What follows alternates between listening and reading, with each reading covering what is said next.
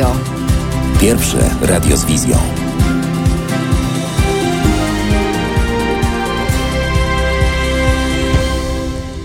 Dzień dobry Państwu. Witam Państwa raz jeszcze.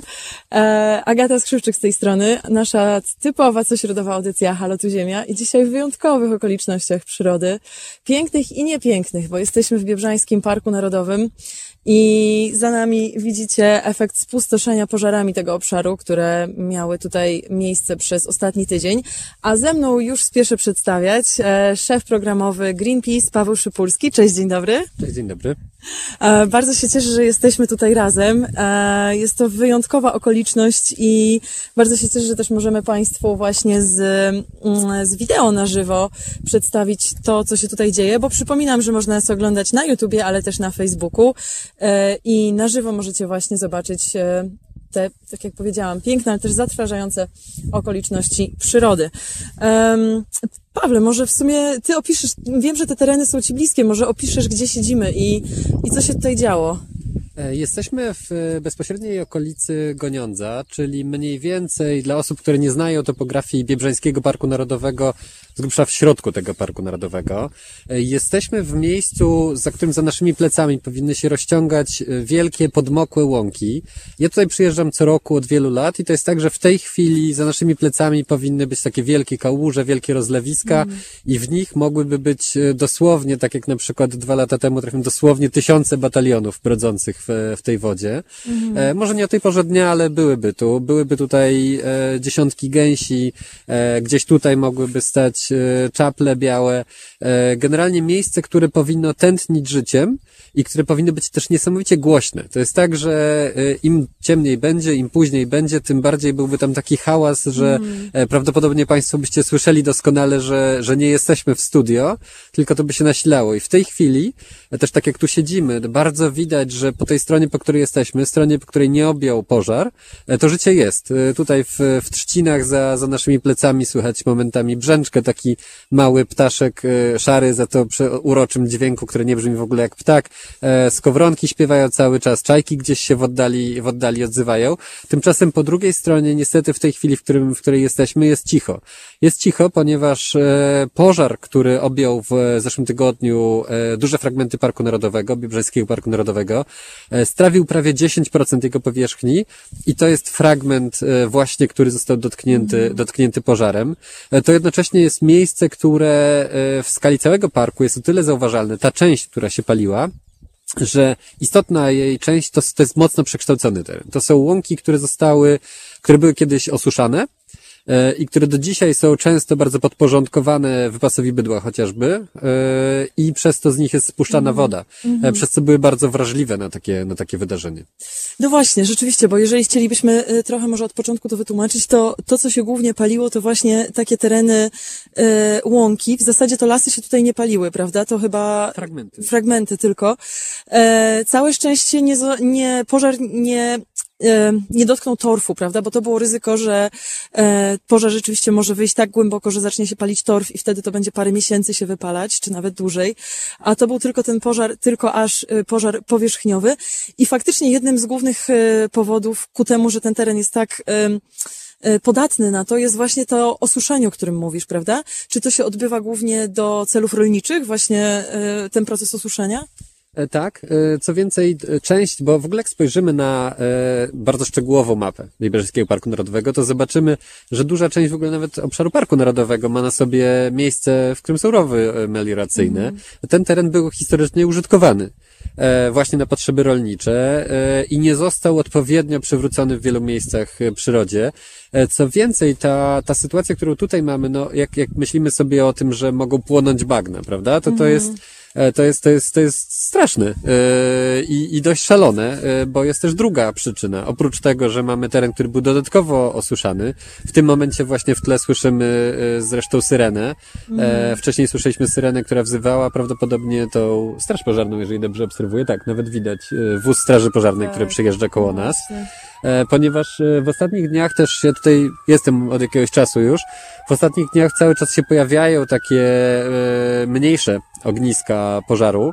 E, na szczęście e, i też dzięki temu, że strażacy tutaj na miejscu bardzo ciężko pracują, one się nie przeradzają w nic bardzo poważnego na razie. E, natomiast, natomiast no to się cały, cały czas wydarza.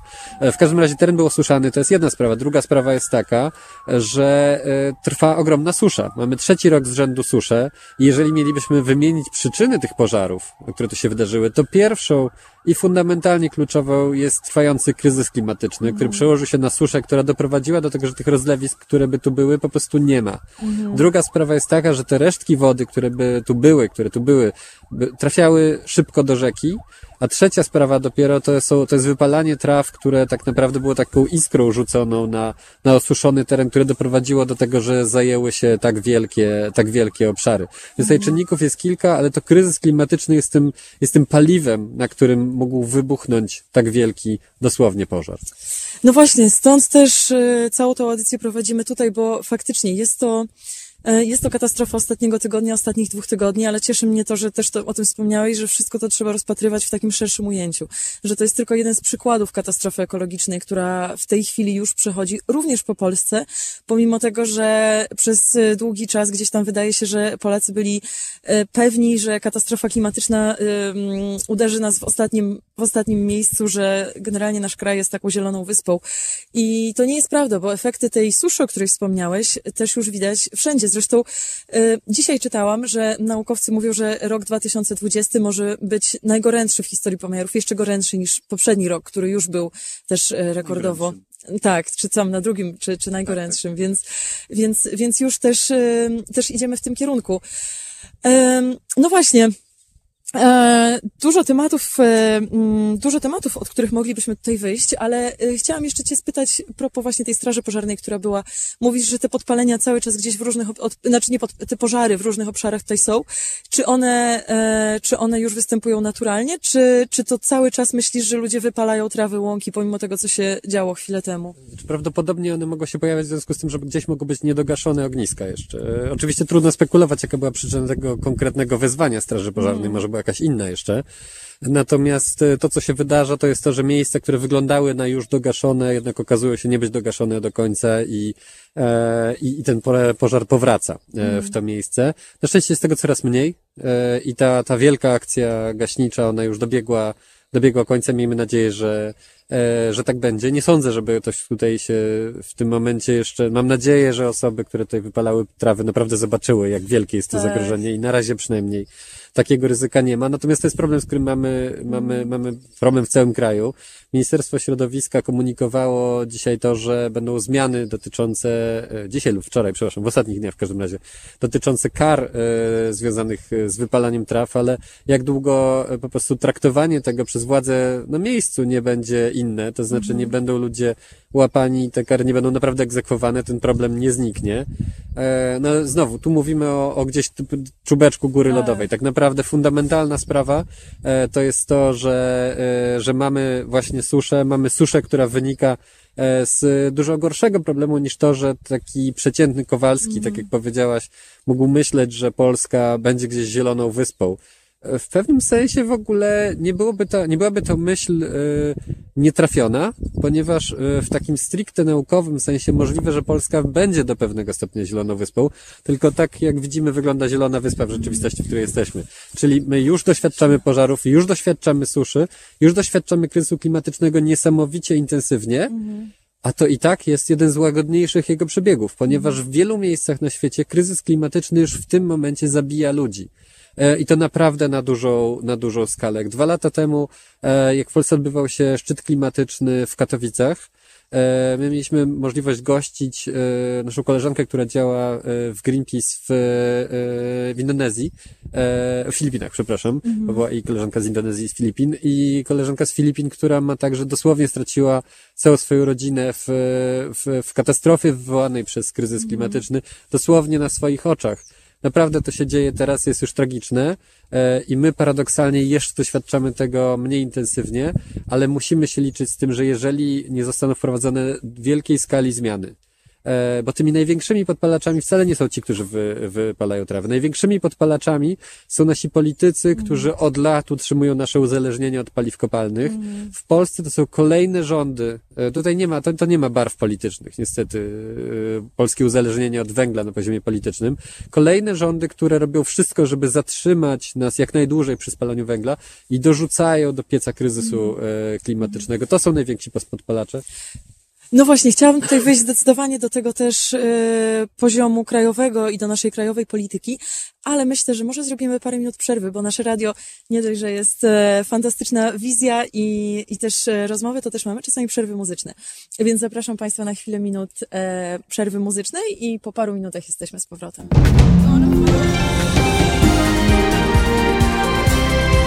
Halo Radio. Halo, halo radio, halo tu ziemia. E, jesteśmy już z powrotem z Państwem po przerwie. E, nadajemy dzisiaj z Biebrzańskiego Parku Narodowego. Za nami płynie rzeka Biebrza i mówimy o katastrofie ekologicznej, która wydarzyła się tutaj, ale też o katastrofie ekologicznej, która, e, która po prostu dzieje się już tu i teraz, wszędzie dookoła. I to jest tylko jeden z jej przykładów. E, chciałam przypomnieć, że można dzwonić do nas, bo co prawda nie jesteśmy w stanie czytać komentarzy, które mm, pewnie Państwo zamieszczacie na e, czacie na żywo na YouTubie. E, I witam serdecznie wszystkich stałych słuchaczy, którzy zapewne tam są też aktywni dzisiaj. Niestety nie możemy tego czytać, ale można dzwonić do nas do studia pod numer 22 390 59 22. I ten telefon tutaj nawet nad Biebrzu usłyszymy. Więc jeżeli ktoś e, z Państwa ma ochotę się e, połączyć, to serdecznie zapraszam. Wstrze, wstrzelimy się dalej do rozmowy, którą prowadziliśmy prze, przed przerwą. Mm, Zaczęliśmy właśnie rozmawiać też o, o percepcji tego, co się tutaj dzieje i o tym, jak musimy to postrzegać w większym obrazku e, katastrofy klimatycznej. E, I Pawle, jestem pewna, że widziałeś wideo, które zostało opublikowane przez Ministerstwo Edukacji Narodowej e, jakiś czas temu. Ono co prawda szybko zostało zdjęte, pewnie z jakiegoś poczucia wstydu, nie dziwne. Natomiast wideo to przedstawiało szereg zalet globalnego ocieplenia i zmian klimatu, przez które przechodzimy. E, I właśnie jednym z tych plusów przedstawionych tam było to, że ocieplające się, podwyższające się temperatury wydłużą okres wegetacji i sprawią, że będziemy mogli uprawiać nowe i lepsze gatunki żywności w naszym kraju. Myślę, że to, co się tutaj dzieje, jest ym, idealnym, idealną odpowiedzią na to wideo, chociaż nie, myślę, że nie chcielibyśmy, żeby w ten sposób się że w ogóle, żeby ten dialog jakby miał miejsce, natomiast jest to strasznie smutne, że musiało się tak zdarzyć. Ym, powiedz, czy wydaje ci się, że, ym, że, mm, że to wynika jeszcze z jakiejś niewiedzy, czy to wynika już z tak głębokiego po prostu zaprzeczania i budowania jakiejś zupełnie innej narracji wokół tego, co się dzieje? Znaczy, to jest czysty cynizm, e, co dzieje się. e, Decyzje, które stoją za powstawaniem tego typu materiałów, to jest czysty cynizm, działanie na rzecz z jednej strony jakichś ideologicznych zupełnie urojeń, z drugiej strony obrony interesów konkretnych grup przemysłowych. Nie da się udawać, e, że kryzysu klimatycznego nie ma. Nie da się być w Polsce politykiem, nie da się być w Polsce ministrem, wiceministrem i udawać, że kryzysu klimatycznego nie ma. Polska była chociażby gospodarzem trzech szczytów klimatycznych, w sensie odbyły się w Polsce, w Poznaniu, w Krakowie i e, w Poznaniu, w Warszawie i w Katowicach. E, ostatni odbył się dwa lata temu, no naprawdę nie dało rady nie zauważyć. E, mówią o tym, e, mówił o tym e, premier, mówi o tym wiele osób z aktualnego rządu. E, musielibyśmy mieć do czynienia ze skrajnym poziomem głupoty e, osób pracujących w ministerstwach, e, żeby nie zauważyły, że mm, zmiana klimatu, kryzys klimatyczny następuje. E, Nie zakładam, że w ministerstwach pracują ludzie, którzy są po prostu głupi, e, dlatego niestety muszę założyć, że pracują ludzie, którzy są cyniczni. E, W tych, to, oczywiście mówię tylko o tych osobach, które podejmują takie decyzje, ponieważ ja znam wielu pracowników administracji państwowej i wiem, że to są uczciwi, porządni ludzie, ale e, ktoś, kto doprowadził do powstania tego wideo, e, kierował się e, konkretną, podejrzewam, ideologią albo wiarą w to, że należy coś takiego mówić a jednocześnie reprezentował tak naprawdę po prostu interesy lobby paliw kopalnych, e, lobby górniczego, ale również lobby spalania gazu, spalania ropy naftowej.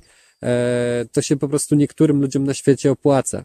E, I nasz gigantyczny problem, na który, w którym jesteśmy teraz, wynika z tego, e, że lobbyści przemysłu paliw kopalnych e, byli niezwykle sprawni w przekonaniu wielu decydentów na świecie, że e, kryzys klimatyczny na przykład będzie postępował bardzo powoli. Na początku mówili, że go nie ma, potem, że to nie my go powodujemy, potem, że w zasadzie jest korzystny. To jest to, co w tym mhm. momencie słyszymy. E, jest też taka wersja, że w sumie to my żeśmy go jednak spowodowali, ale teraz już nie możemy nic z tym zrobić, więc po prostu się dostosujmy. Albo taka wersja, że będziemy mogli dzięki temu oliwki jeść, że też będzie tak. fajnie. Tak, tak, tak. No, oliwki będą, będzie, w ogóle też jest super. W Polsce zmiana klimatu jest super, bo, bo, bo będą mniejsze koszty ogrzewania. Mhm. E, I smog będzie mniejszy. No, mhm. niestety to, to, to, to, to jest, to jest absolutnie skandaliczne. Nie będzie przesadą, jeżeli powiem, że zbrodnicze, ponieważ e, przykładanie ręki do napędzania kryzysu klimatycznego to jest przykładanie ręki do śmierci ludzi. Po prostu. To mhm. się do tego, do tego mhm. redukuje. E, przyroda sobie poradzi. Ludzie sobie nie poradzą. To, o co my walczymy, próbując spowolnić albo zatrzymać kryzys klimatyczny, to jest życie ludzi, to jest cywilizacja, jaką znamy. Mhm. E, I e, to, czym mówię o wpływie lobby paliwowych, to, to również niestety w chwili, w której jesteśmy teraz, to jest już po prostu udowodnione. E, mhm. To się po prostu działo na ogromną skalę, przede wszystkim w Stanach Zjednoczonych. W Polsce natomiast mamy taką sytuację, że związki między przemysłem wydobywczym, przemysłem też produkcji energii z węgla, a polityką są tak bliskie, że nie wiadomo, w którym miejscu kończy się państwo, a w którym miejscu zaczyna mhm. się, zaczyna się biznes. E, i od bardzo dawna politycy traktowali i traktują spółki Skarbu Państwa jako miejsce, e, w którym sobie po prostu obsadzają e, sympatyczne fotele, które są bardzo dobrze płatne, lepiej niż na, na rządowych stanowiskach. No właśnie, tym bardziej, że tak naprawdę ten przemysł wydobywczy węglowy już od jakiegoś czasu ciężko jest ukryć, jak bardzo jest nierentowny i jak bardzo utrzymywanie jego jest po prostu absurdalne. Już nie mówiąc też o y, kwestiach związanych ze środowiskiem, ale w ogóle z całą, jakby jest, mało argumentów już zostało na, z, za tym, żeby go nadal utrzymywać. Y, od jakiegoś czasu mamy do czynienia z tak zwanym paradoksem węglowym, gdzie nasz polski węgiel zalega na hałdach, jest zbyt drogi, po prostu zbyt, e, zbyt nieefektywny też w wydobyciu i jedynym kontynentem, z którego już jeszcze nie importujemy węgla, wydaje mi się, że jest Antarktyda. To jest jedyny ostały kontynent, z którego nie importujemy tego surowca, e, więc tych ścieżek jest bardzo, bardzo, bardzo dużo. A teraz też myślę, że jest bardzo newralgiczny moment, gdzie rzeczywiście, e, tak jak mówisz, możemy e, zawalczyć po prostu o nasze życie, bo jednocześnie walcząc z wirusem, z pandemią, przez którą przechodzimy, jest teraz moment podejmowania bardzo ważnych, kluczowych decyzji, które zostaną z nami na kolejne lata. I wiem, że też w tej sprawie jakiś czas temu e, wysłaliście jako Greenpeace list e, podpisany przez ciebie do ministra Sasina e, z prośbą, z apelem właśnie o to, żeby, mm, żeby wstrzymać finansowanie e, przemysłu węglowego, prawda, w Polsce. Z jednym małym zastrzeżeniem, że nie chodziło nam o nieprzeznaczenie jakichkolwiek e, środków na, na, te, na te biznesy, ponieważ musimy pamiętać, że w nich pracują w tym momencie dziesiątki tysięcy ludzi. E, nie można e, polskiego górnictwa, nie można polskiej energetyki zmienić z dnia na dzień, bo to się będzie wiązało z tragedią ludzi, którzy tam pracują. To, czego potrzebujemy w Polsce, to jest sprawiedliwa transformacja, to jest taka przebudowa e, gospodarki regionów, które w tym momencie są uzależnione od wydobycia węgla, czy w zasadzie nie mamy już aż tak wiele takich regionów, które są tak naprawdę uzależnione, bardziej mamy, mamy wyobrażenie o tym, że, że tak jest. Szczególnie jeżeli chodzi o Śląsk. To to wydobycie węgla nie jest aż tak fundamentalną częścią, bardziej wizerunkową niż, niż ekonomiczną. E, trzeba stworzyć alternatywy, to zajmuje czas, więc nie można w tym momencie e, byłoby tych ludzi nagle wyrzucić na bruk. Natomiast to, o co apelowaliśmy, to jest to, żeby chronić górników, ale nie chronić kopalnie czyli nie próbować wykorzystać e, tego kryzysu, który, który teraz się wydarza, e, kryzysu, który będzie miał bardzo konkretne konsekwencje gospodarcze, do próby e, ukrycia pomocy publicznej, która miałaby przedłużyć życie e, tej branży. Mhm. E, to, do czego wzywamy, to jest właśnie działanie na rzecz sprawiedliwej transformacji, e, na rzecz zabezpieczenia e, tych ludzi, którzy pracują E, w, w, tej, w, tej, w tej dziedzinie obecnie, ale nie próba wydłużania agonii polskiego przemysłu węglowego. W energetyce e, myśli się w kategoriach lat.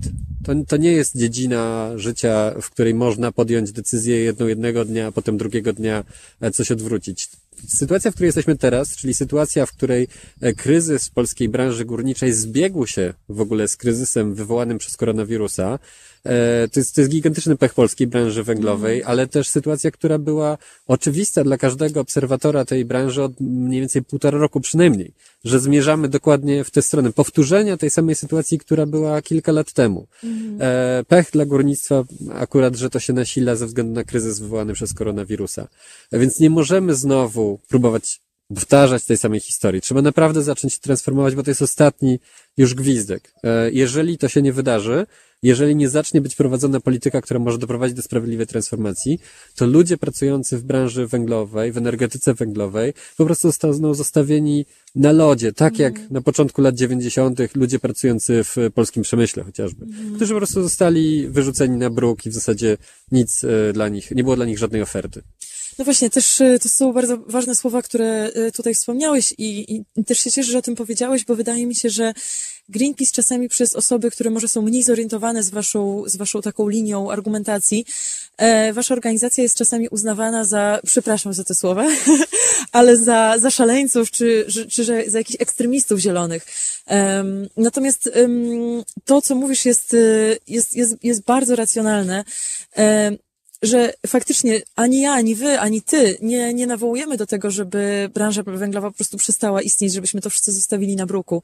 Tylko chodzi o to, żeby to był proces sprawiedliwy, faktycznie, żeby to był proces, który będzie uwzględniał um, tych pracowników, którzy od lat nie wiem, z pokolenia na pokolenie trakt, y, pracują w tej branży y, i żeby rzeczywiście znaleźć dla nich odpowiednie miejsce.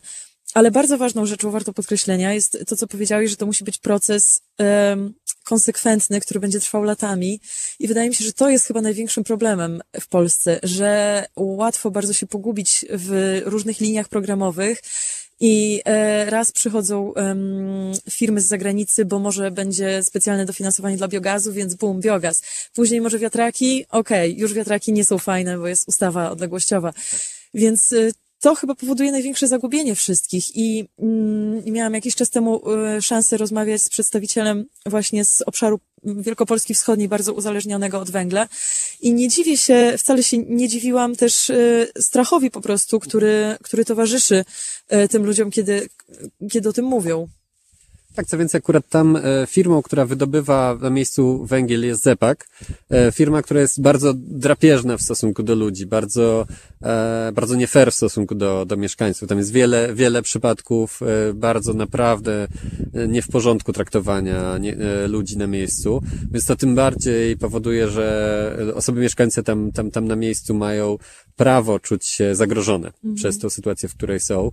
Zepak to jest jednocześnie też firma, która jest najlepszą ilustracją tego tak naprawdę, gdzie znajduje się polska e, branża energetyczna. E, to jest, to jest, to jest już nawet nie można powiedzieć kolos. To do niedawna był kolos na glinianych nogach, który chwieje się i naprawdę trudno nie zauważyć tego, że zaraz się przewróci. Mhm. E, powiedziałaś o, o, o ekstremizmie i racjonalności. Wydaje mi się, że to jest bardzo ciekawy trop. Jesteśmy w takim momencie, że e, jedyną racjonalną ścieżką jest zrozumienie tego, co mówi nam nauka, a mówi nam to, że potrzebujemy bardzo szybkiej, bardzo głębokiej zmiany. Bo jeżeli jej nie dokonamy, to czeka nas katastrofa. Jesteśmy naprawdę w sytuacji kryzysu ekologicznego tak głębokiego, że on się przełoży na cierpienie milionów ludzi na całym świecie, również w Polsce. Mhm. E, także jedyną racjonalną sytuacją teraz jest po pierwsze uznanie faktów. Nie tak jak Ministerstwo Edukacji Narodowej, które próbuje opowiedzieć nam jakąś fikcyjną historię o Polsce i o korzyściach, jakie. Nie, tak nie jest. Tak. Katastrofa klimatyczna przełoży się na bardzo bezpośrednie negatywne konsekwencje y, dla wielu ludzi na, na całym świecie, również tutaj. Druga sprawa to jest naprawdę poważnie potraktować tą wiedzę, którą, którą mamy. A trzecia sprawa to zrozumieć, że naprawdę musimy zacząć zmieniać bardzo głęboko, ale bardzo szybko. Bo jeżeli mhm. tego nie zrobimy, to nasza gospodarka będzie w jeszcze gorszym położeniu, a gospodarka oznacza ludzi. Bo to mhm. oczywiście fajnie sobie myśleć o cyfrach, o nie wiem, o PKB i tak dalej. I to myślenie o gospodarce e, właśnie takie, statystyczne, ekonomiczne, ono nas doprowadziło do tego miejsca, w którym jesteśmy. Uzależnienie od nieustan, nie, nieustającego wzrostu gospodarczego, w ogóle cały, cała konstrukcja społeczno-gospodarcza, na której mhm. jesteśmy e, zbudowani tak naprawdę, doprowadziła nas do tego miejsca, w którym jesteśmy. Potrzebujemy bardzo szybkiej, bardzo głębokiej zmiany. To jest jedyne racjonalne spojrzenie na to i rozmowa, którą powinniśmy prowadzić, to tylko i wyłącznie jak to zrobić. Nie kiedy, nie w jakim tempie, tylko jak, jakimi narzędziami. I masz rację, i wyjść ponad tą narrację wzrostu po prostu, żeby nie mówić o zielonym wzroście, nie mówić o, nie mówić w ogóle już o tej, o tej narracji. Też przypomniało mi się, a propos tego, co mówiłeś, przypomniały mi się słowa profesora Szymona Malinowskiego. Mm, Jakiś czas temu został wypuszczony trailer filmu dokumentalnego Można Panikować, którego część była zresztą nagrana u nas w studio właśnie podczas naszej wspólnej audycji w Halo Radio. I on powiedział bardzo fajne słowa, że e, ludzie nie mają wiedzy, a mają poglądy i że to jest, na tych poglądach jest oparta cała narracja klimatyczna, nie tylko w naszym kraju, ale i na świecie. I, i to chyba faktycznie w pierwszej kolejności trzeba, trzeba zmienić, żeby, żeby się opierać po prostu na tej wiedzy. Um, jeszcze jest parę wątków, o które chciałam Cię dopytać, więc może zrobimy chwilkę przerwy e, i za parę minut e, jeszcze do Państwa wrócimy na te parę ostatnich minut właśnie naszej rozmowy. Do usłyszenia. Halo Radio.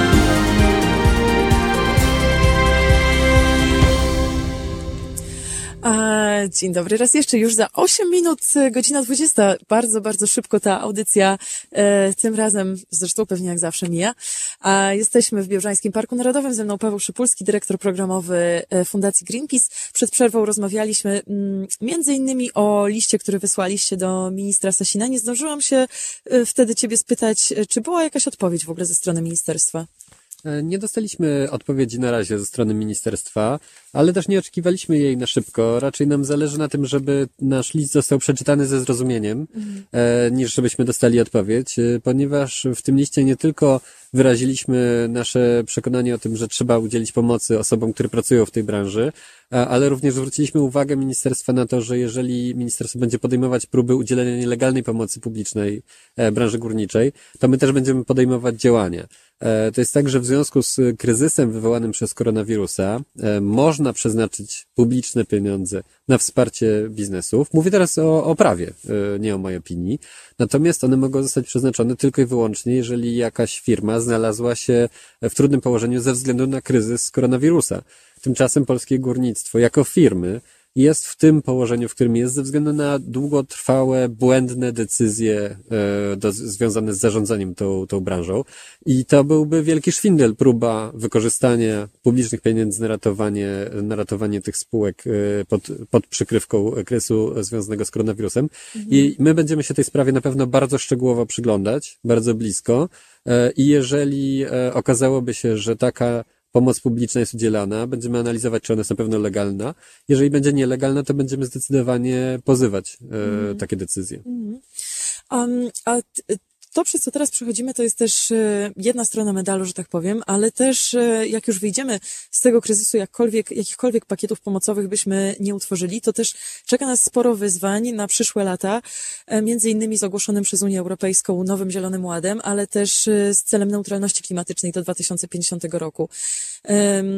To będzie wymagało bardzo dużych, bardzo dużego też zmiany, bardzo dużej zmiany kursu przez, przez naszych polityków, prawda, żeby celować w ogóle tam, pomimo tego, że to jest teoretycznie za 30 lat, ale tak jak mówisz, to są działania, które w tej chwili trzeba już podjąć. Jakoś ciężko mi sobie wyobrazić, że będziemy w stanie być na pokładzie na tym statku tam płynącym. E, Nie tylko tobie. E, Nowy prezes PG e, również mówił publicznie w wywiadach o tym, że podwyższenie celów klimatycznych dla Unii Europejskiej jest nieakceptowalne dla PGE. E, Unia w ramach tego procesu, e, czyli budowy e, Europejskiego Zielonego Ładu, planuje podnieść cele redukcji emisji, czyli ograniczenia emisji gazów cieplarnianych z 40% do 55%. E, PGE twierdzi, że to jest nie do zrobienia. No, nie, nie da się po prostu. To jest opowieść, którą ja znam od bardzo wielu lat. W ogóle nie da się wielu rzeczy w polskiej energetyce od bardzo dawna. E, I to jest zasłona dymna, która, która jest wysyłana e, przez, przez firmy energetyczne, przez polityków. E, Natomiast prawda jest taka, że jeżeli chcemy zatrzymać kryzys klimatyczny, jeżeli chcemy zatrzymać jego najgorsze konsekwencje, to te redukcje emisji muszą być jeszcze większe, muszą sięgnąć 65%.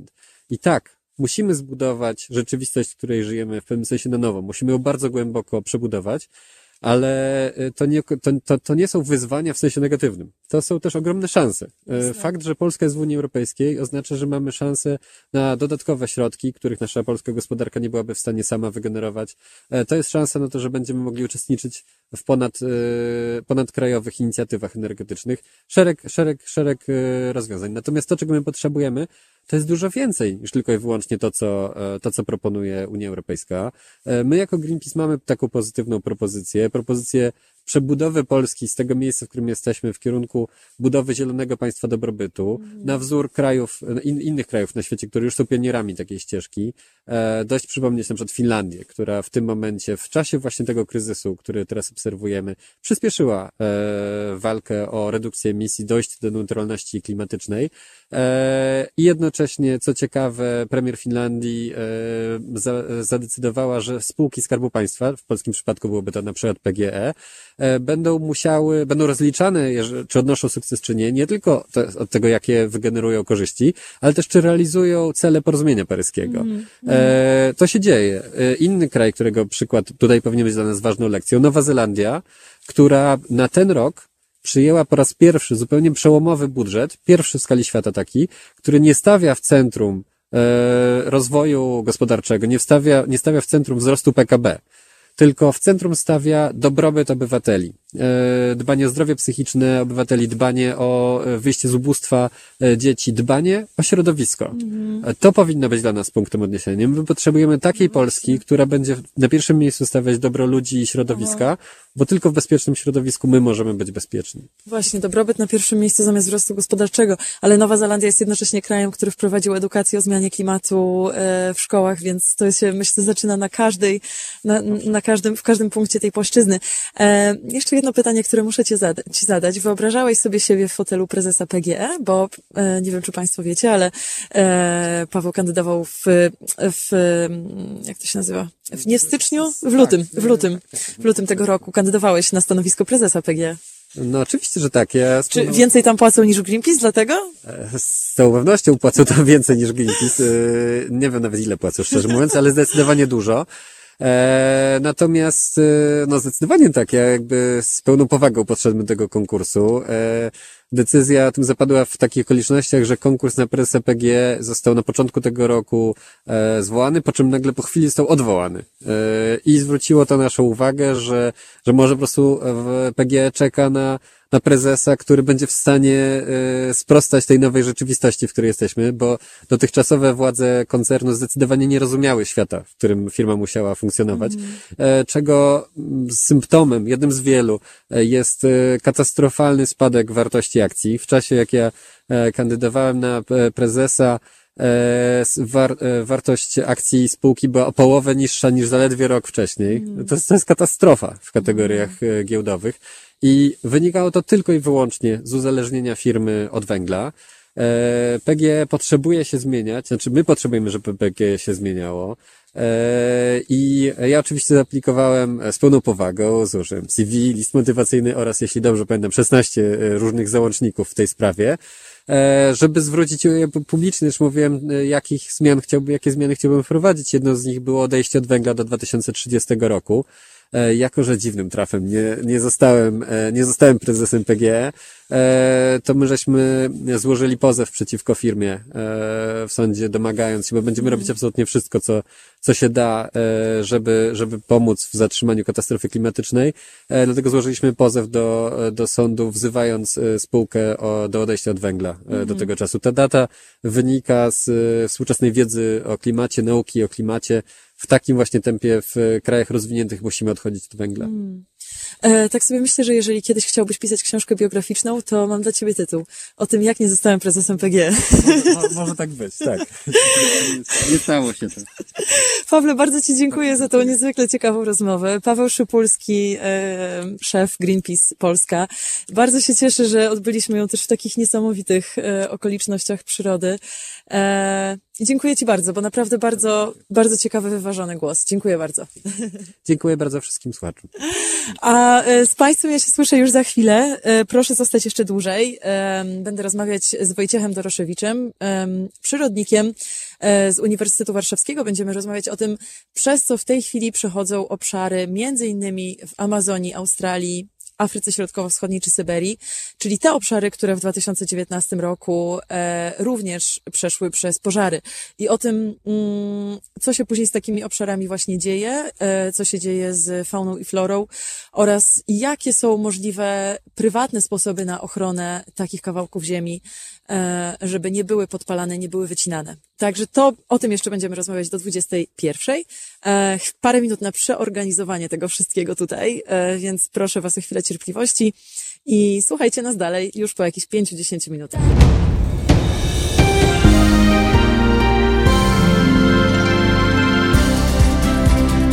Halo Radio. Pierwsze radio z wizją.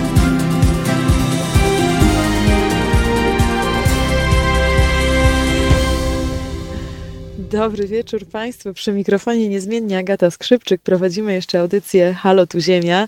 E, ja nadal jestem w Białżańskim Parku Narodowym, z tym, że już nie siedzę nad rzeką i nie mogą Państwo mnie zobaczyć na wideo na żywo, ponieważ muszę przyznać, że zrobiło się już po prostu trochę zimno. Więc schowałam się do telefonu i z widokiem przepięknie zachodzącego czerwonego słońca e, będę jeszcze prowadzić tę audycję e, przez kolejne pół godziny. Także e, cieszę się, że jesteście jeszcze Państwo ze mną. I dalej zostajemy tak naprawdę. A przypomnę tylko, że można dzwonić. Można dzwonić do studia. Tamara jest dzisiaj przy sterach i odbiera telefony numer 22 390 59 22. Jeżeli Państwo macie jakiś komentarz, pytanie, czy po prostu chcecie się przywitać, to śmiało dzwoncie.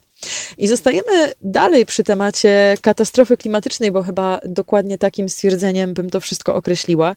Um, Rozmawialiśmy w ogóle, cała ta dzisiejsza audycja i ta rozmowa wyszła oczywiście z pożarów, które e, działy się przez tydzień w Biebrzańskim Parku Narodowym.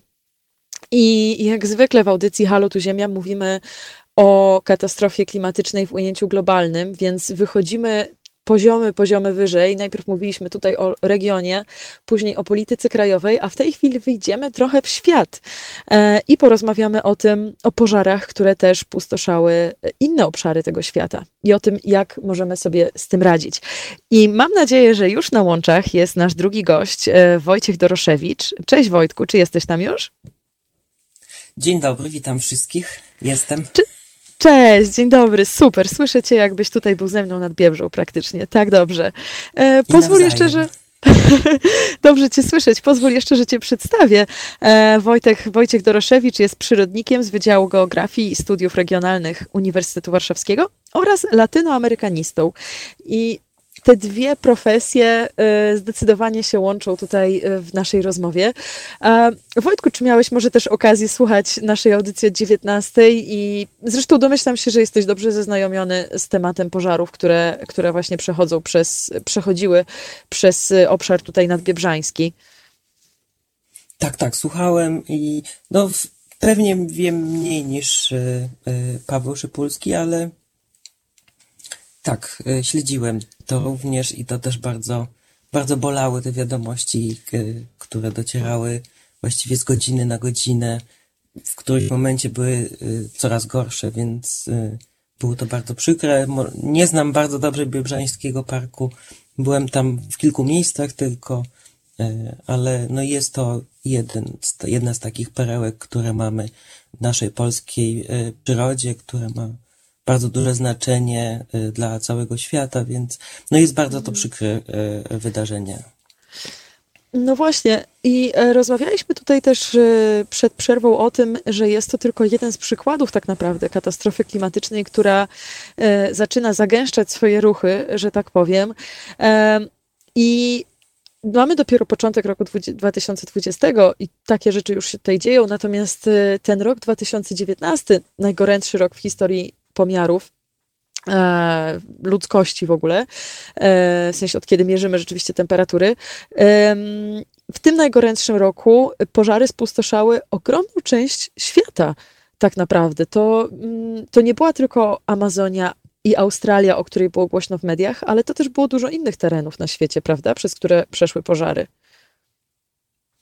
Tak, to w ogóle y, y, takie podsumowania pokazują, że ten zeszły rok był, no jeśli nie, nie jednym z y, naj, to nawet najbardziej katastrofalnym pod względem nawet może nie tyle częstotliwości pożarów, co ich skali i miejsc, w których one się pojawiały. I mm, bardzo często też one się pojawiały e, poza taką, e, dla niektórych miejsc oczywiście, e, porą, w której e, normalnie sezonowo pożary mogą się pojawiać lub się pojawiają z mniejszą lub większą siłą. Natomiast w zeszłym roku mieliśmy w wielu miejscach, ten przykład Australii jest taki najbardziej wyraźny, gdzie te pożary miały katastrofalny przebieg, e, pojaw, e, chociaż nie były to największe, które e, ostatnio trawiły Australię, natomiast pojawiły się w bardzo nieodpowiednim momencie, to znaczy jakby przed tym normalnym, normalną porą pożarów, czyli na wiosnę, a nie kiedy normalnie wybuchają e, już na początku lata. Także tych miejsc rzeczywiście było bardzo dużo. Ogromne, katastrofalne pożary, które e, na samym początku były mocno zbagatelizowane e, na Syberii, gdzie spłonął ogromny obszar. No i tam właśnie, e, oprócz tego, że spłonęły lasy, to podobnie jak to jest w przypadku Biebrzańskiego Parku Narodowego naszego, tam płonęły również tereny właśnie podmokłe, borów bagiennych, gdzie, i gdzie doszło między innymi też do bardzo dużych problemów w związku z tym, że pożar po prostu przeniósł się e, pod ziemię, torf wewnątrz e, palił się bardzo długo, prawdopodobnie te, te zarzewia e, nadal gdzieś tam jeszcze mogą być w niektórych miejscach. Czyli to właśnie, e, to właśnie z czego się cieszyliśmy tutaj w przypadku Biebrzy, że ten torf się nie zajął i nie zapłonął, to tam właśnie e, to się zdarzyło, przez co też, e, tak jak mówisz, to trwa po prostu miesiącami tak naprawdę, ten proces wypalania. Tak, no bo to Niestety. nawet e, e, e, nie, te pożary oczywiście za późno była reakcja, żeby, ponieważ no, to też jest jeden z tych elementów, że no, pali się, bo zawsze się paliło i co jakiś czas się te pożary oczywiście pojawiają w różnych ekosystemach. Natomiast te, w wielu wypadkach one przekraczają te granice, które, które jakby są, można powiedzieć, tym naturalnym. Mamy do czynienia katastrofą, która zagraża w bardzo dużym stopniu także nam, e, bezpośrednio tam na miejscu, ludziom znajdującym się, jak i w ogóle patrząc w skali, w skali globalnej, bo przecież co roku oglądamy e, relacje z płonącej Kalifornii na przykład, do czego jesteśmy chyba już standardowo przyzwyczajeni, że co roku mamy informacje e, w którymś momencie w roku, że płonie Kalifornia, e, płoną tamtejsze, e, tamtejsze lasy e, i inne środowiska. E, w, za, w zależności od roku te wiadomości są mniej lub bardziej spektakularne, e, czy bardziej katastrofalne, ale no, jesteśmy przyzwyczajeni, bo rzeczywiście to jest na przykład ten rejon, podobnie jak Australia, gdzie pożary naturalnie występują co roku, roślinność jest do tego przystosowana. Oczywiście w zależności od tego, jaka jest skala, do tego trzeba jeszcze przecież dodać, że e, e, mówimy o tym w na w przypadku Kalifornii czy w wielu rejonów Australii, które pożar dotyczyły, że to są e, no dość e, gęsto zaled- zaludnione obszary, więc e, to nie dotyczy tylko e, walki z pożarami, bo płoną lasy, ale zagrażają też potem bezpośrednio e, mieniu i życiu ludzi, więc tutaj też ta walka z pożarami też jest e, walką z, jakby z naszymi stratami. Na wielu tych obszarach właśnie takich, gdzie mamy, do, gdzie występują właśnie lasy, które okresowo są lasami suchymi gdzie naturalnie występują pożary jako jeden z naturalnych elementów funkcjonowania tego systemu. Bardzo wiele roślin jest do tego bardzo dobrze przystosowanych. E, Po pożarach nawet e, e, lepiej funkcjonują. Część roślin wymaga na przykład pożaru, żeby się rozmnażać. To oczywiście już nie jest na, na tę audycję. Natomiast no, wszystko jest e, kwestia skali e, i też naszych działań, bo bardzo często w wielu miejscach zapobiegamy pożarom niepotrzebnie, powodując później, że, że te pożary pojawiają się na taką skalę, że ona jest trudna do opanowania. Więc w wielu miejscach, właśnie między innymi takich jak chociażby Kalifornia czy Australia, e, prowadzi się e, takie e, taką, takie zarządzanie pożarami, gdzie lokalnie te pożary są wywoływane, żeby później nie, nie powstały pożary, które wymkną się spod kontroli. Oczywiście to się nie zawsze udaje i Tak. z perspektywy osuszania klimatu w wielu miejscach, no jest to dużo trudniejsze do, do prowadzenia. A powiedz Wojtku, bo em, te pożary, które były w zeszłym roku w Amazonii, one trwały bardzo długo, natomiast później się już nie za bardzo mówiło o tym, co się z tymi terenami dzieje. Powiedz, czy, czy tam już e, te pożary zostały całkowicie ugaszone, czy są jakieś obszary, które gdzieś tam się ten ogień przenosi mimo wszystko z miejsca w miejsce, czy, czy rzeczywiście ten teren został ugaszony i jeżeli tak, to co się z nim teraz dzieje? To znaczy tak, no bo y, te pożary, o których żeśmy tak y, dość y, dużo mówili w Amazonii, one miały miejsce y, w, wtedy, kiedy właśnie mamy na południe od, jakby tutaj też mówiąc o Amazonii, musimy pamiętać o tym, że mówimy e, nie tylko o wilgotnym lesie deszczowym, ale też o całym regionie, którym niekoniecznie las e, jest e, całkowicie wilgotny. Poza tym duża część e, tego obszaru, zwłaszcza e, w południowej części e, i, i wschodniej, no już została w dużym stopniu przez człowieka przekształcona, więc no nie mówimy też e, tylko o, o pożarach lasów. E, Natomiast e, no, one miały miejsce e, sierpień, e, głównie w sierpniu, we wrześniu. Rzeczywiście jest to ta główny, e, główna, e, główny, główna pora, w którym występują pożary, są one największe na terenie właśnie południowej Amazonii, gdzie e, mamy wtedy do czynienia z porą bardziej suchą, bo tutaj też e, na wielu obszarach tak, na, tak naprawdę pory, pora sucha jest bardzo krótka, albo prawie wcale jej nie ma, zmniejszają się tylko opady. Natomiast na wielu, w wielu tych obszarach, w związku z naszą działalnością, e, rzeczywiście mamy do czynienia e, z bardziej suchym, mm, e, suchą porą, ze względu na to, że jest mniej lasu i jest mniejsza wilgotność całego ekosystemu. Te, laso, te, te pożary oczywiście e, zostały e, ugaszone, e, bo one nie mogłyby trwać ponad pół roku. Natomiast to nie jest tak, że żadnych innych pożarów nie ma. W tej chwili w, w, w różnych miejscach Amazonii, w różnych miejscach Amazonii trwają różne, różne mniejsze pożary, w większości wywoływane przez człowieka, podpalenia do tego, żeby kolejne obszary e, przygotować do napastwisko albo do, do uprawy. No właśnie. E, Także to, to oczywiście cały czas funkcjonuje, natomiast e, nie ma to takiej skali, jaką miała właśnie na przełomie e, sierpnia i września zeszłego roku, ale też jakbyśmy się cofnęli troszeczkę, to też nie była to największa skala pożarów, jaka dotykała e, ten obszar Amazonii, e, e, ponieważ no, w poprzednich latach, kiedy mieliśmy do czynienia e, z coraz częściej nawiązającymi ten obszar suszami, e, co jest bardzo dużym zagrożeniem dla e, jakby funkcjonowania tego całego dużego ekosystemu. Pojawiały się one wtedy właśnie w tych momentach tej największej sz- suszy, która miała chociażby miejsce w 2009-2010 roku, 2015 później. E, Ona teraz pojawia się dużo częściej, nie tak jak kiedyś, powiedzmy, taka duża susza była raz na 100 lat, teraz już jest raz na 10 albo nawet raz na 5 lat.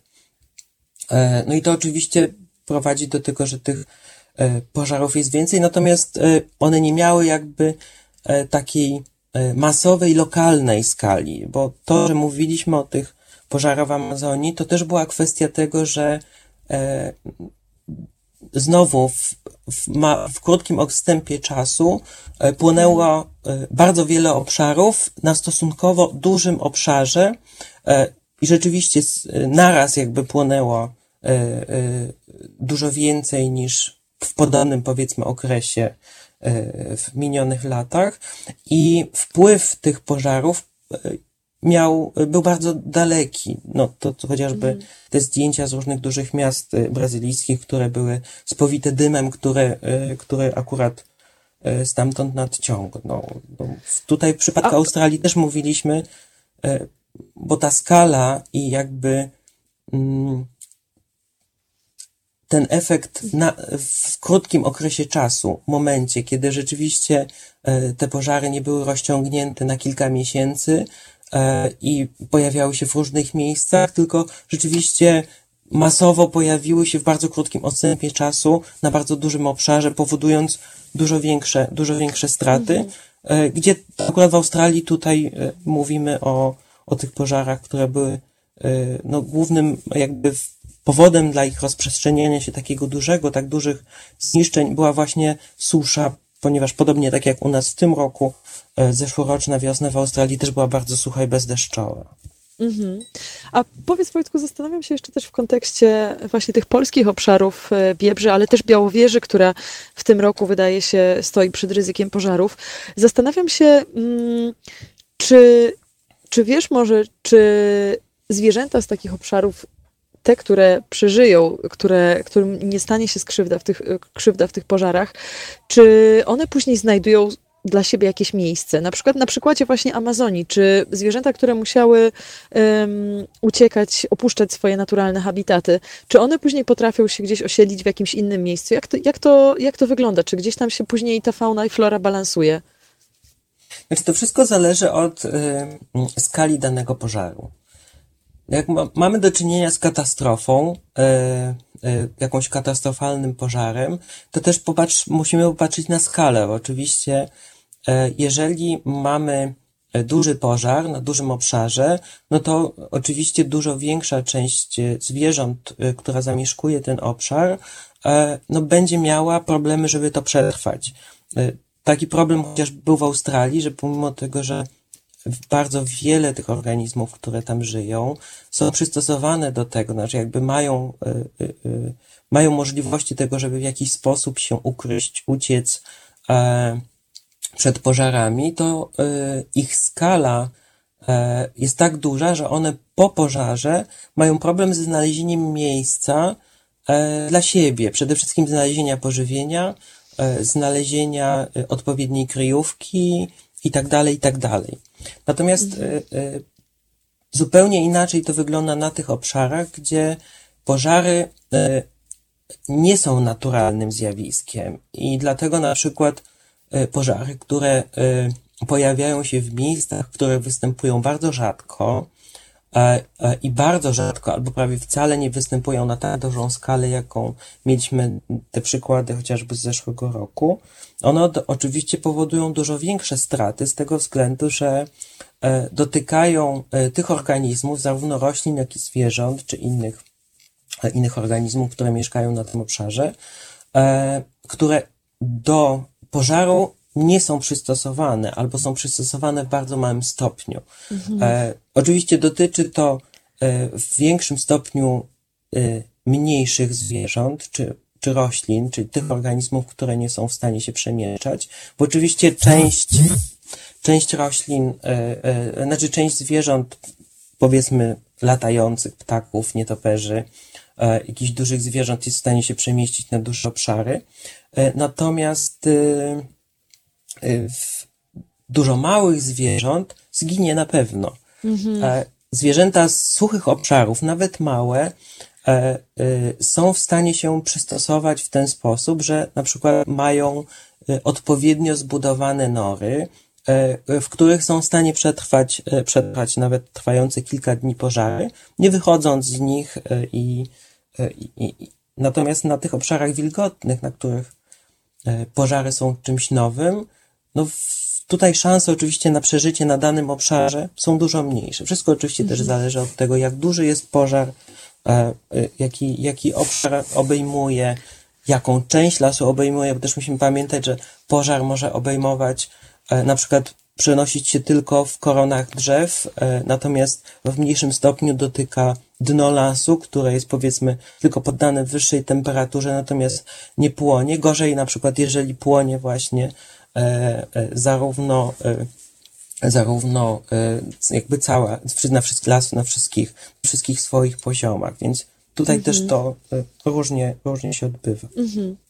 A Wojtku, jeszcze chciałam Cię spytać o to, czy, czym, czym wiem, że też się zajmujesz, czyli właśnie o te e, prywatne formy ochrony przyrody e, w kontekście lasów również. E, jeżeli dobrze kojarzę, to w Amazonii też są podejmowane takie inicjatywy polegające na wykupywaniu y, terenów y, właśnie Puszczy Amazońskiej po to, żeby nie dopuszczać do wycinki i też chronić właśnie te obszary przed pożarami lub też jakieś tworzyć y, samemu nasadzenia nowych lasów. Powiedz, czy takie formy ochrony są skuteczne? Znaczy to wszystko zależy, jak, w jaki sposób to się odbywa. E, No bo musimy pamiętać, że większość form ochrony przyrody, pod warunkiem, że one są e, w odpowiedni sposób e, mm, przygotowane, zarządzane i kontrolowane, one funkcjonują w bardzo dobry sposób. Duża część, jeśli nie większość obszarów chronionych, takich jak parki narodowe czy rezerwaty, które są stanowione przez większość państw na świecie, wiele z nich funkcjonuje w bardzo dobry sposób. Wszystko zależy od tego, e, jak, e, jak wygląda później ich zarządzanie. Natomiast rzeczywiście e, już od, e, od kilkudziesięciu lat w różnych częściach świata powstają różnego rodzaju inicjatywy, tak, e, które moglibyśmy nazwać oddolnymi. One są różne. E, Mamy mm, bardzo dużo na przykład organizacji pozarządowych, e, które e, mm, można powiedzieć, że zbierając na swoją działalność, zbierają różnego rodzaju cegiełki, które są przeznaczane na wykup na przykład jakiegoś da, danego obszaru. Zwykle jest to obszar leśny, wykup, odkupowany na przykład od jakiejś dużej, e, do jakiejś dużej firmy drzewnej. Tutaj, tutaj są różne, czy po prostu jakby kupując tą koncesję, którą ta firma dostała e, na wycinkę lasu, czy nie wiem, wydobycie jakiegoś, e, jakiego, jakiegoś minerału. E, I rzeczywiście w taki sposób mogą powstawać różnego rodzaju e, tutaj byśmy, no w pewnym sensie prywatne albo społeczne formy ochrony przyrody. Część z nich później wchodzi na przykład w ten system narodowy w danym kraju e, ochrony przyrody. Niektóre pozostają tymi prywatnymi. E, Są też takie inicjatywy społeczne, na przykład lokalne społeczności, jakby zarządzają obszar. Tutaj też tu są bardzo skomplikowane często kwestie prawne dotyczącego tego, w jaki sposób to jest e, przez dane państwo regulowane. E, mm, Tutaj oczywiście dotykamy też kwestii na przykład ludności rdzennej, która w wielu krajach ma właśnie prawo do, do ziemi, na której żyją i bardzo często e, takie społeczności tworzą. Właśnie w Amazonii te tak zwane rezerwaty indiańskie często dużo lepiej funkcjonują e, niż wiele innych obszarów chronionych i często są w wielu różnych e, porównaniach czy raportach e, traktowane właśnie jako bardzo dobrze zarządzane obszary chronione, czy też e, częściej są nazywane e, obszarami, e, e, obszarane, obszarami użytkowanym w sposób zrównoważony. E, I E, takich Wojtku- obszarów dużo jest w Amazonii, one zajmują znaczną część tych obszarów chronionych, o których się mówi, jaka część Amazonii znajduje się pod ochroną, zarówno e, brazylijska, jak i w innych częściach, i w innych krajach e, basenu Amazonki, które są właśnie między innymi w taki sposób chronione. Oprócz Wojtku, tego wejdę dochodzą ci jeszcze tutaj, inicjatywy, przepraszam, tak? Mhm. wejdę ci tutaj Tak. tylko w, w słowo, bo słyszę, że jest słuchacz na linii, e, który zadzwonił do nas z telefonem, więc, e, więc pozwolę ci tutaj przerwać i mamy już parę minut dosłownie tylko audycji, ale e, z, przywitamy się tutaj słuchaczem. Halo, halo. Halo, halo, dzień dobry. E, Dzień dobry, dzień dobry. Proszę, e, ja- jak się, bardzo się cieszę, że pan dzwoni. Dzień dobry. Chciałam tylko powiedzieć, że mamy dosłownie parę minut, e, więc nie mamy dużo czasu na rozmowę, ale z przyjemnością wysłuchamy. No tak, tak, trafiłem tutaj na temat. Nie jestem pewny, czy jak szeroko jest pole tematów dotyczących tutaj, ten temat się rozciągnął, bo rozumiem, że była rozmowa na temat pożarów, tak? Tak, była rozmowa na temat pożarów w kontekście Biebrzy, ale też później w kontekście między innymi Amazonii na przykład i tego właśnie, jak przed tym chronić. Rozumiem. E, Mówię, że to nie będzie zbyt skomplikowane e, pytanie, bo byłem co do parku bydgoskiego, to za bardzo się nie orientuję, więc jedno pytanie takie miałem e, już, żeby doprecyzować, jaki to rodzaj zwierzyny tam, jak, szeroki, że tak powiem, wachlarz różnych no, zwierząt tam zamieszku, zamieszkuje bądź zamieszkiwał. To, to teraz chyba w czasie przeszłym. Co do Mhm. tych pożarów, które jakimś cudem y, w wielu miejscach naraz y, y, wybuchają, bo to tak można też dorzucić, że same świetniska, wysypiska śmieci też się same nie zapalają. Mam Tak. tak tylko tutaj przytaczam. E, Więc to na pewno w tym przypadków nie, przypadku nie jest.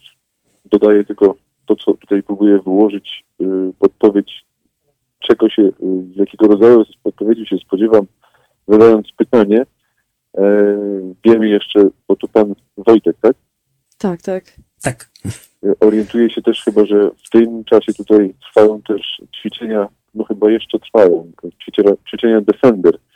I między innymi kluczowym miejscem do przeprowadzania, no przynajmniej na tych znanych terenach, w lasach. Właśnie są, ćwiczenia są właśnie przeprowadzane w lasach. A, niektóre tereny okazują się być potrzebne. Też mamy kluczową y, sieć. Tutaj już kończę tą moją taką wykładnię tego, dlaczego pożary i dlaczego by nie miały być one e, nieprzypadkowe. Ja chciałem zapytać, jakiego rodzaju zwierzyna, to jest takie kluczowe pytanie, i za chwilę powiem dlaczego, jakie zwierzęta w tym parku Bie- biedrzeńskim można było napotkać, przynajmniej z tego, co ogólnie nam było wiadomo. Mm, Dobrze, dziękuję, dziękuję bardzo za to pytanie. Mm, Musimy się już z Panem rozłączyć yy, i za chwilę na to odpowiemy, ale proszę powiedzieć, a Pan właśnie dzwoni tutaj z tych obszarów też nadbiebrzańskich? Nie, nie, nie. Ach, myślałam. Ja akurat dzwonię z Warszawy, w zasadzie już w jednym, z, innym, e, z innym tematem, ale to może poza linią przekażę tutaj. Dobrze.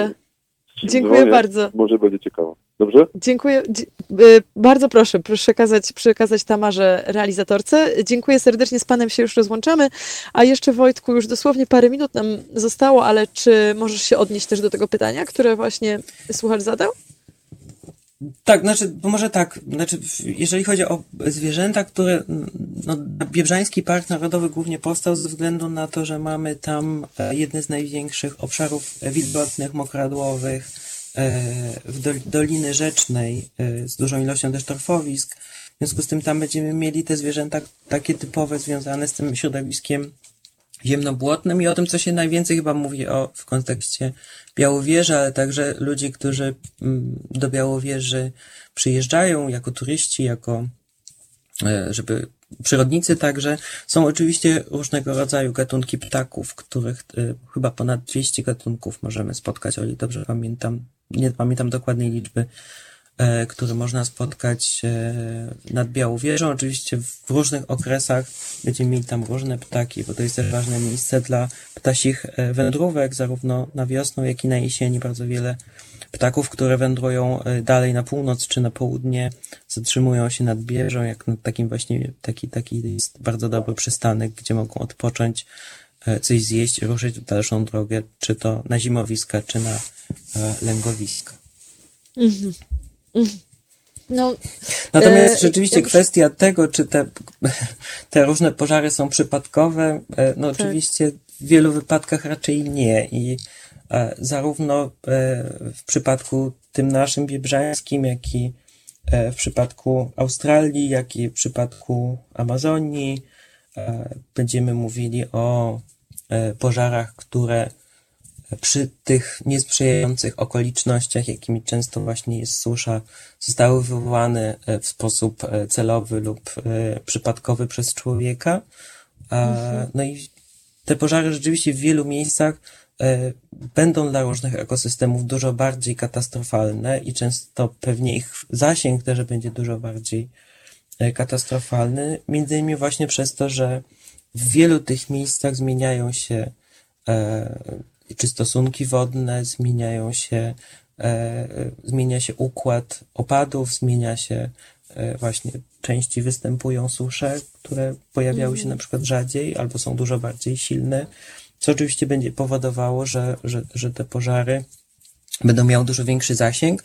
No i po części te susze oczywiście są wynikiem też naszej działalności, jako że oczywiście. e, odpowiadamy za e, sytuację, która obecnie dzieje się z klimatem, no więc Oczywiście, pośrednio oczywiście, właściwie tak, tak. naprawdę większość tych pożarów, e, a ich, a, albo ich skala nie są, e, są Tak. zjawiskiem naturalnym, ale no jakby w nienaturalnej albo w, może nie tyle, naturalne to może nie jest dobre słowo, ale jakby w tej nowej, w tej nowej rzeczywistości, tak. Tak. Tak. Wojtku, już y, niestety musimy kończyć nasz czas już dobiegł końca. Bardzo Ci chciałam podziękować za ten y, komentarz z takiej bardziej globalnej perspektywy do tego, o czym, y, o czym, o czym tutaj mówimy w Polsce od, od w zasadzie tygodnia dwóch.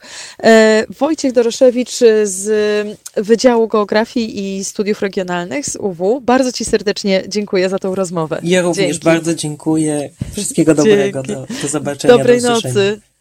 Dobrej E, a Państwu też bardzo chciałam e, podziękować za te dwie godziny audycji. Chciałam jeszcze nadmienić, że mm, przygotowując się tutaj do tej audycji z Państwem, e, obserwowaliśmy jastrzębia, który szybował nad polem, na którym stoimy. Było to naprawdę przepiękne. Poza tym e, pan, jeden z mieszkańców tej okolicznej wioski, przygotował swoją łódź do, do sezonu rybackiego, który ma nadzieję, że niedługo się rozpocznie, więc można powiedzieć, że życie w jakiejś formie nadal się tutaj toczy swoim tempem. E, serdecznie Wam wszystkim dziękuję. E, do usłyszenia za tydzień w środę o godzinie 19. Ja się nazywam, nazywam Agata Skrzypczyk. Niezwykle mi było miło dzisiaj z Państwem rozmawiać. E, życzę Wam wszystkim dobrego wieczoru i do usłyszenia za tydzień.